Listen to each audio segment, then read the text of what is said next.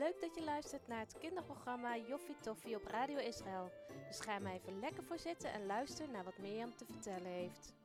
Hallo lieve kleine mensen en grote mensen. Wat leuk dat jullie weer luisteren naar een nieuwe aflevering van Joffie Toffie. Zoals beloofd ga ik iedere week een tekst uit de Bijbel over de Sabbat voorlezen. En vandaag is het uit Deuteronomium 5 vers 12. Neem de Sabbat in acht zoals de Heer uw God u geboden heeft. Het is een heilige dag. En dit is nu eigenlijk al de derde keer dat we het over hebben dat de Sabbat heilig is. En ik had jullie vorige keer beloofd dat ik nog iets meer zou vertellen over hoe dat nou precies zit met heilig zijn. Dus daarom heb ik deze tekst ook gekozen. Maar als het drie keer in de Bijbel staat, dan is het wel heel belangrijk. En volgende keer zal ik wat meer gaan vertellen over de rust van de Sabbatdag. Maar ik wil deze week nog even iets meer doorgaan over het heilig zijn. Um, ik had vorige week al verteld dat God jou speciaal vindt. Jij bent heilig en je bent apart gezet. Maar behalve dat wil God ook heel dicht bij jou kunnen komen. En om dat te kunnen doen, moeten wij de verkeerde dingen uit ons leven wegdoen. Want als er iets verkeerds bij ons is, dan kan God niet bij jou komen. En in de tijd van de Torah deden de Israëlieten dat door te offeren. Als de Israëlieten iets verkeerd hadden gedaan, of het nou expres of per ongeluk was, dan brachten ze een offer naar de tempel. En daar werd het offer verbrand. in die tijd kon het offer kon graan zijn, of olie, of een dier. En net als de Israëlieten in die tijd iets naar de tempel mogen brengen om vergeving te vragen, zo mogen wij onze zonde, de dingen die wij verkeerd hebben gedaan, mogen wij die naar Jezus brengen. En gelukkig hoeven er tegenwoordig geen dieren meer geofferd te worden, want Jezus heeft zichzelf al geofferd 2000 jaar geleden, voor ons. Maar we moeten de dingen die wij verkeerd hebben gedaan, of die verkeerd zijn in ons leven, of het nou expres of per ongeluk gedaan hebben, of er weet van hebben of niet, moeten wij nog wel naar Jezus brengen. En dat doen we door vergeving te vragen en te bidden. En net als de Israëlieten hun offer, hun dier of hun gaan naar de tempel brengen, zo kunnen wij de verkeerde dingen in ons leven naar Jezus brengen. En deze verkeerde dingen, dit kunnen dingen zijn die we zelf verkeerd hebben gedaan, maar het kunnen ook dingen zijn waar wij niet voor gekozen hebben. Verkeerde dingen die anderen ons hebben aangedaan. Bijvoorbeeld als iemand boos op jou wordt of jou iets aandoet. Of als je iets verkeerd hebt gedaan wat je eigenlijk helemaal niet door had. Dan nog kun je al deze verkeerde dingen bij Jezus brengen. En Jezus die zal het van je afnemen, want Jezus is gestorven voor deze verkeerde dingen. En dan kunnen we vrij zijn. En doordat we vrij zijn, kan God en Jezus en de Heilige Geest kunnen heel dicht bij ons komen. En dan kunnen we vrij leven samen met Jezus, zoals het bedoeld is. Dat is mooi hè, dat we dat kunnen doen. Is dat iets waar jij mee aan de slag kan?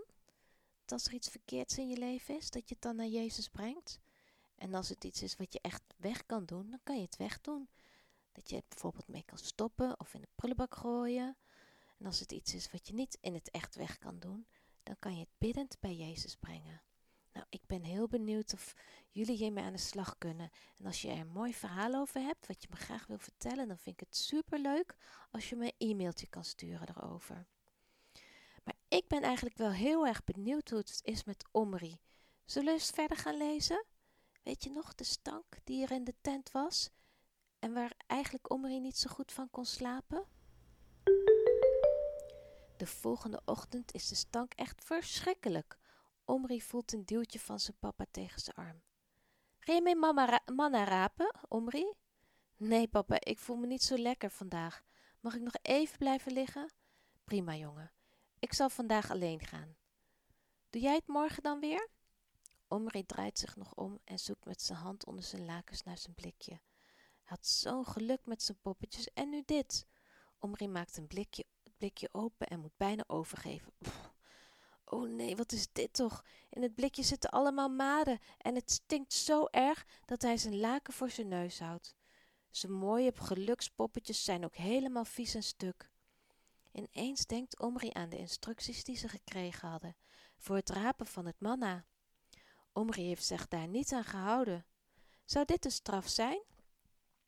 Mama ziet dat er iets mis is en met Omri en roept hem. Hij kruipt uit bed en hij vertelt aan zijn moeder het hele verhaal. Mam, ik heb er echt zo spijt van. Waarvan dan? Wat bedoel je? Ik weet waar die stank vandaan komt. Omri laat het blikje open aan zijn moeder zien. Gauw doet mama haar hand voor haar gezicht. Ik wilde gewoon wat extra's bewaren, zodat ik vandaag niet zo vroeg uit bed zou hoeven. En ik zag dat de anderen het ook deden, dus ik dacht dat het dan wel niet zo erg was. Mama kijkt Omri aan en schudt zo.